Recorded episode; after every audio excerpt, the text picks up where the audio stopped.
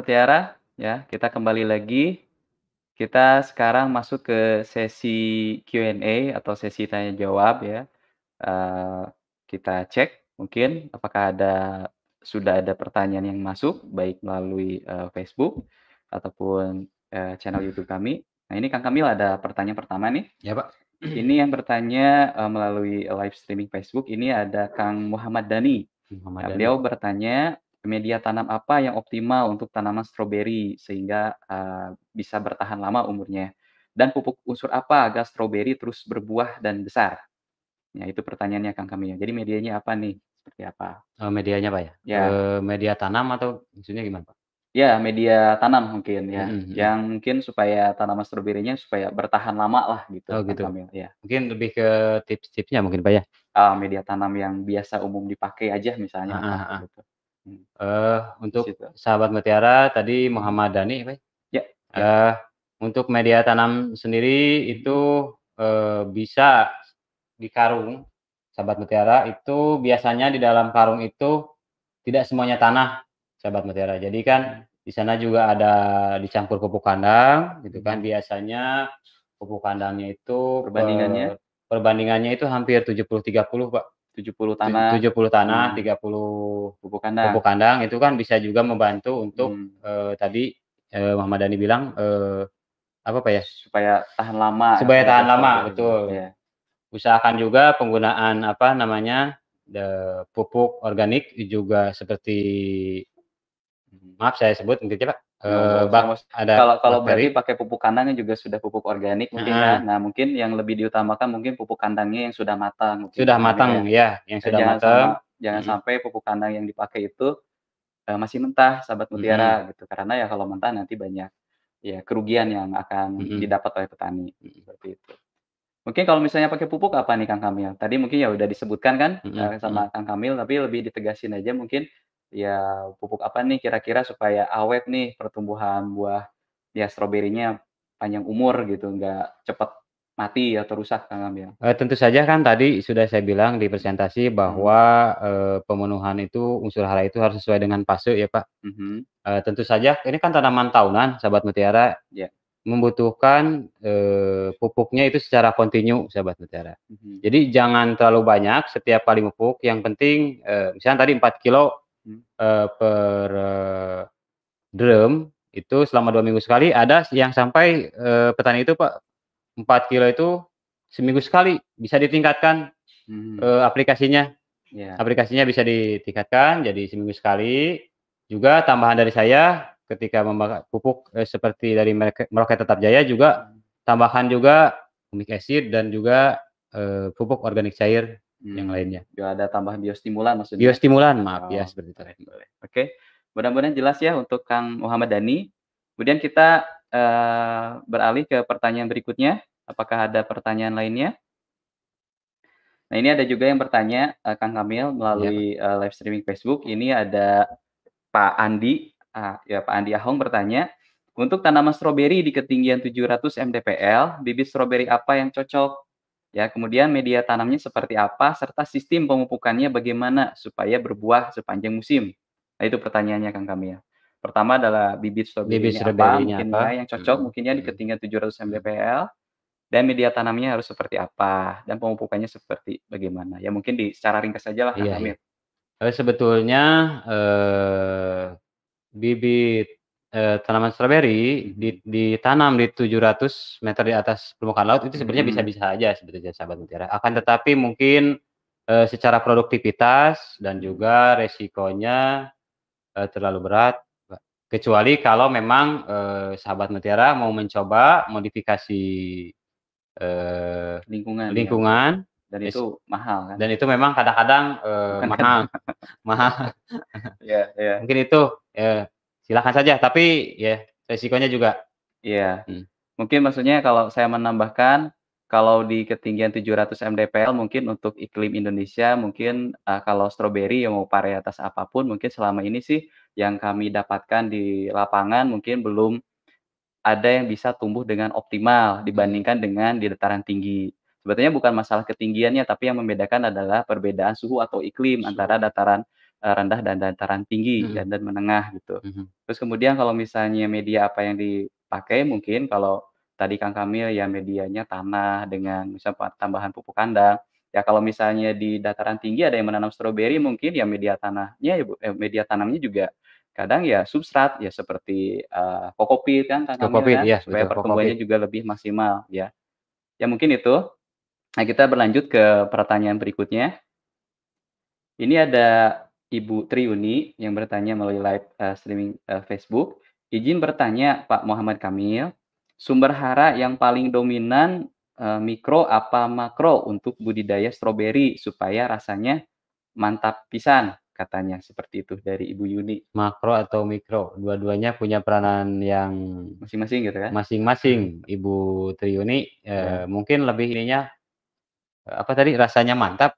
Ya intinya untuk kualitas rasa Kualitas rasa mungkin mungkin ya, supaya maksimal lah Pak, Heeh. gitu kan, ya. Eee, seperti tadi yang saya bilang, ada rekomendasi dari kami, Bu Triuni, ada subur kali, ini bisa rasa rasanya mantap pisan, bisa boleh dicoba. Karena ini juga mengandung kalium yang, eee, Mhm. relatif cukup bagus, bisa nanti dicoba, eee, oleh Ibu Triuni ini. Iya mungkin kalau saya menambahkan mungkin untuk Ibu Triuni ya, kalau kebetulan ya di Lembang juga ya ada Mhm. sih sedikit, eee, stroberi dan kebetulan saya juga di Lembang. Ya kalau misalnya untuk pemupukan tadi pertama adalah hindari pupuk yang terlalu banyak mengandung klor, ya karena nantinya takutnya klor ini malah akan, eee, merusak ya ke tanaman stroberinya. Kalau terlalu banyak juga hindari aja. Dan kemudian juga nanti untuk, eee, pemupukannya kalau misalnya untuk, eee, kualitas itu tentu dan hasilnya maksimal itu jangan lupa ya kalium, kalsium, boron. Betul Kalau ingin nambahin misalnya untuk foliarnya Kang Kamil kan kita sekarang punya Profit Series ya Oh kan. ya, Profit Series, Ya betul Profit. Series mulai misalnya dari, eee, pertumbuhan stolon misalnya atau ke daun bisa pakai, eee, Profit hijau, tapi mulai keluar bunga itu kita ada Profit, eee, merah kan Kang Merah, Kamil betul. ya. Kemudian nanti pembesaran buah bisa, eee, aplikasi foliar Profit orange dan nanti kalau misalnya pematangan supaya merah dan kualitasnya juga, eee, baik, itu kita bisa ada, eee, tambahkan Profit Maxi. Nah ini kalau untuk, eee, konsentrasinya kan Kang Kang Kamil ya iya? kita pakai cukup pakai 2 sampai 4 gram per liter lah, ya untuk aplikasinya. Ya mudah-mudahan itu untuk tambahan dari saya, cukup jelas untuk Ibu Triuni. Terus kemudian kita, eee, berlanjut ke pertanyaan berikutnya, ini Kang Kamil ada pertanyaan dari, eee, Pak Kakak ya. Pak Kakak, eee, bertanya Kang Kamil, kalau pengen lama panennya, kira-kira berapa kali ngecor di tanaman stroberi? Apakah harus terus karate boron masuk? Nah ini pertanyaannya dari Pak Kakak yang bertanya melalui Kang Kamil. untuk Pak Kakak, Mhm. memang ada benarnya Pak Mhm. Kakak. Jadi karate boron itu sebetulnya jangan di aplikasi seperti tadi yang disebutkan, Mhm. jangan terlalu banyak, tapi setiap kalau bisa Pak Kakak setiap kali pengecoran atau ini masuk gitu Pak. Ini Mmm. benar biasanya untuk kualitas tadi Pak, Iya. kemudian, me biasa salah satunya efek sampingnya itu memperpanjang panennya itu kan terus-terusan. Iya. Bisa itu, untuk Mhm. karate plus boron ini. Iya. Dan karate plus boron ini kalau dari pengalaman saya sih di lapangan, kalau rutin ngecor pakai itu nanti biasanya hasil panennya ke daya simpannya juga lebih lama Kang Eh, Kamil ya. betul daya simpannya. Dan, eee, lebih resisten terhadap serangan seperti botrytis ya atau kayak, Heeh. eee, penyakit ya fungi atau seperti itu, nanti juga lebih kuat. Oke kita lanjut ke pertanyaan berikutnya, kita tunggu. Ini ada pertanyaan dari Pak Jaal Hasan, Kang Kamil. Pak Jaal Hasan, ya. Ya, Pak Jaal ini bertanya melalui Facebook, "Saya ingin bertanya apakah di dataran rendah bisa dilakukan penanaman stroberi? Ada sarankah bagaimana hasilnya dan sistem budidayanya agar bisa ditanam di sini?" Nah ini ini kayaknya Pak Jaal ini, eee, ya berdomisili di dataran rendah, tapi mungkin rendah ya, sudah Pak? lihat potensi hasil tadi Potensi dari hasil, Kang heeh. Kamil kan sebut Mhm. setahun bisa dapat berapa, mungkin tertarik. Kira-kira bisa nggak Kang Kamil? Katanya seperti itu. Eee, seperti yang tadi saya sebutkan sebelumnya Pak, Mhm. iya kalau disebut bisa, bisa gitu, kalau disebut bisa. Cuman resikonya Pak Jaal ini Mhm. ada resiko yang mungkin tadi saya tidak sebutkan di sini, di slide yang tadi. Mhm. Karena ini kan asumsinya tadi kan di kisaran, eee, iklim yang dingin, dataran tinggi. Mhm. Nah untuk, eee, dataran rendah, kita belum saya juga belum coba bedah Pak, belum.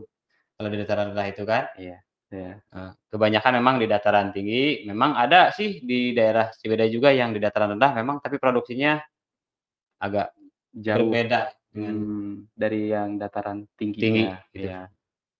Ya kecuali mau modifikasi lingkungannya misalnya Mhm. dengan sistem greenhouse seperti itu, tapi Kecuali kalau tentu ya greenhouse, iya. itu perlu biaya yang lebih mahal dibanding ya biaya konvensional yang lainnya. Kecuali pakai greenhouse ya, Pak. Iya, Mhm. oke. Hidroponik. Oke, kita lanjut ke pertanyaan berikutnya. Kang Kamil, ini ada yang bertanya melalui Facebook lagi. Ini ada dari Pak Farhan Alma, beliau bertanya, "Bagaimana cara perbanyakan stroberi yang tepat? Apakah dari biji atau dari sulurnya? Lalu bagaimana cara mempercepat perkecambahan stroberi agar lebih cepat berkecambah?" Ini gimana caranya Kang Kamil? Maksudnya kalau ingin perbanyak lebih baik dari biji Mhm. atau misalnya dari stolon gitu kan atau dari sulur gitu? Eee, untuk apa sih, Pak? Pak? Pak Farhan. Pak Farhan. Alma, Untuk iya. Pak Farhan ini lebih kalau saya rekomendasi lebih bagus pakai stolon, Pak. Mhm. Bisa pakai stolon. Mhm. Eee, dia reaksinya itu lebih cepat tadi seperti pengen apa, Pak, tadi cepat? Eee Kayaknya berkecambah ya, Berkecambah. kan tidak perlu berkecambah lagi. Heeh, tidak perlu berkecambah lagi. Ini langsung ini, Pak Pak Pak Farhan. Ya. Untuk rekomendasi dari saya lebih baik pakai itu, eee, Ya. stolon. Dan sudah apa ya, terjamin ya setidaknya Terjamin, kalau beli ben eee, apa, bibit gitu kan, beli stolon kan beli 1000 udah jelas kan ada 1000 nih terlihat gitu. Tapi Mhm. kalau di biji semai ya Terlalu kebetulan kami untuk berdua juga bukan ahli ini, apa, persilangan genetik seperti itu. Kita lebih praktis di lapangan. Jadi kita Iya. sarankan lebih baik Untuk sarankan kita aja. lebih banyak di stolon, Iya. Pak Farhan. Apalagi kan sekarang, eee, mudahlah untuk mendapatkannya gitu kan. Iya, Mhm. bibitnya mudah gitu, Mudah banyak gitu. yang jual gitu. Oke, kita lanjut pertanyaan berikutnya. Ini ada yang bertanya melalui Facebook lagi Kang, eee, Kamil. Ini dari Pak Opik Taufik. Ya, beliau bertanya, "Kenapa tanaman stroberi sangat sensitif terhadap klor? Apa yang terjadi kalau tanaman stroberi terlalu banyak dipupuk dengan kalium yang mengandung klor?" Biasanya kalau terlalu banyak dipupuk dengan kalium klor, eee, itu biasanya tanaman stroberi terbakar, Pak Opik. Mhm. Biasanya terbakar, Pak. Iya. Nah, dan alasannya kenapa sensitif terhadap klor itu ya sudah riset Mmm. ini, Pak, ya, udah riset lah. Dan memang kalau kebanyakan klor itu saya juga lihat di lapangan memang banyak, eee, stroberi yang terbakar terbakar. Ya. Dan umur tanamannya juga berarti jadi lebih pendek kan. Lebih pendek, otomatis Resikonya harus bongkar seperti harus apa. bongkar lagi, tanam lagi. Iya, untuk Pak Pahat ya tadi ya. Mhm. Oke, kita lanjut pertanyaan berikutnya. Ini ada yang bertanya juga melalui, eee, Facebook Kang Kamil. Ini dari Pak Hadi, Hardiana. Beliau bertanya, "Stroberi untuk musim hujan identik dengan masalah busuk daun Busuk dan daun. busuk buah. Busuk buah ya. Adakah solusi dari sistem pemupukan dan bagaimana cara mengendalikan penyakit tersebut?" Silakan Kang Kamil. Solusinya tadi, eee, seperti yang saya sebutkan di slide bahwa apabila pupuk itu terlalu kelebihan nitrogen itu akan menyebabkan beberapa penyakit.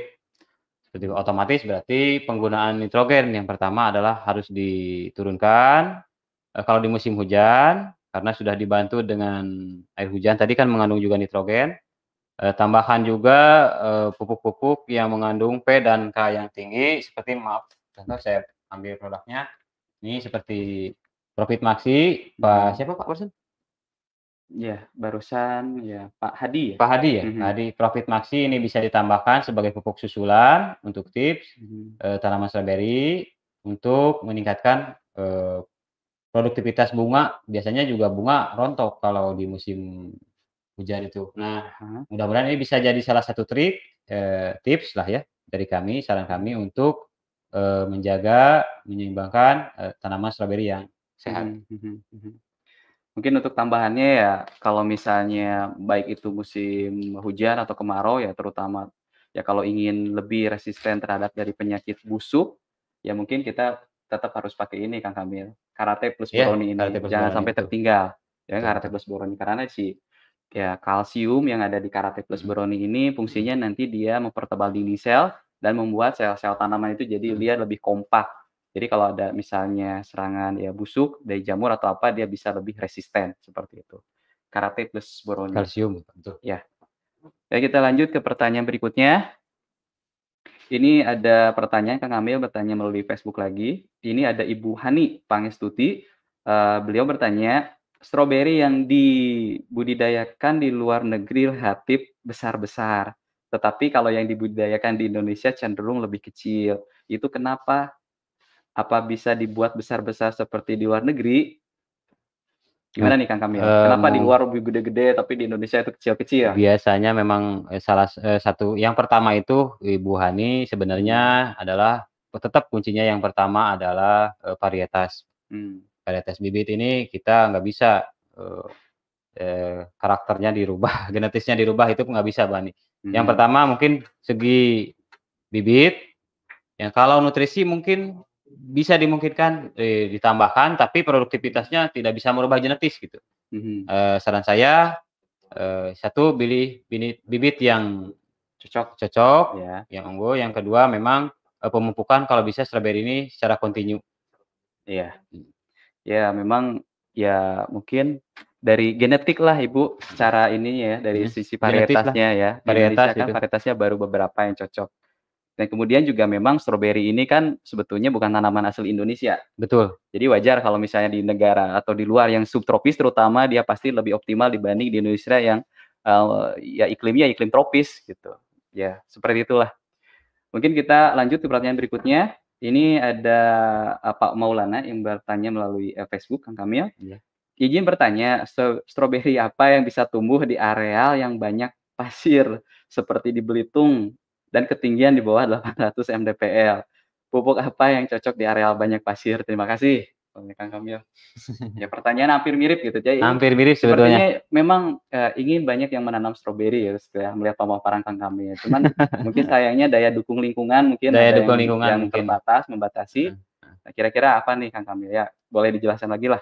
Eee, bisa saja, saya bilang tadi ke setiap yang bertanya 700 mdpl.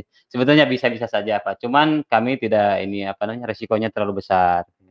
Eee Ya kecuali tadi kecuali tadi pengen kalau mau coba ya ya dalam modifikasi silahkan. dalam greenhouse, Greenhouse pakai cooling pad, pakai ya semualah gitu, lebih aman, di greenhouse, Pak. Lebih Ya aman, greenhouse mending itu ya. saya sarankan pakai greenhouse saja.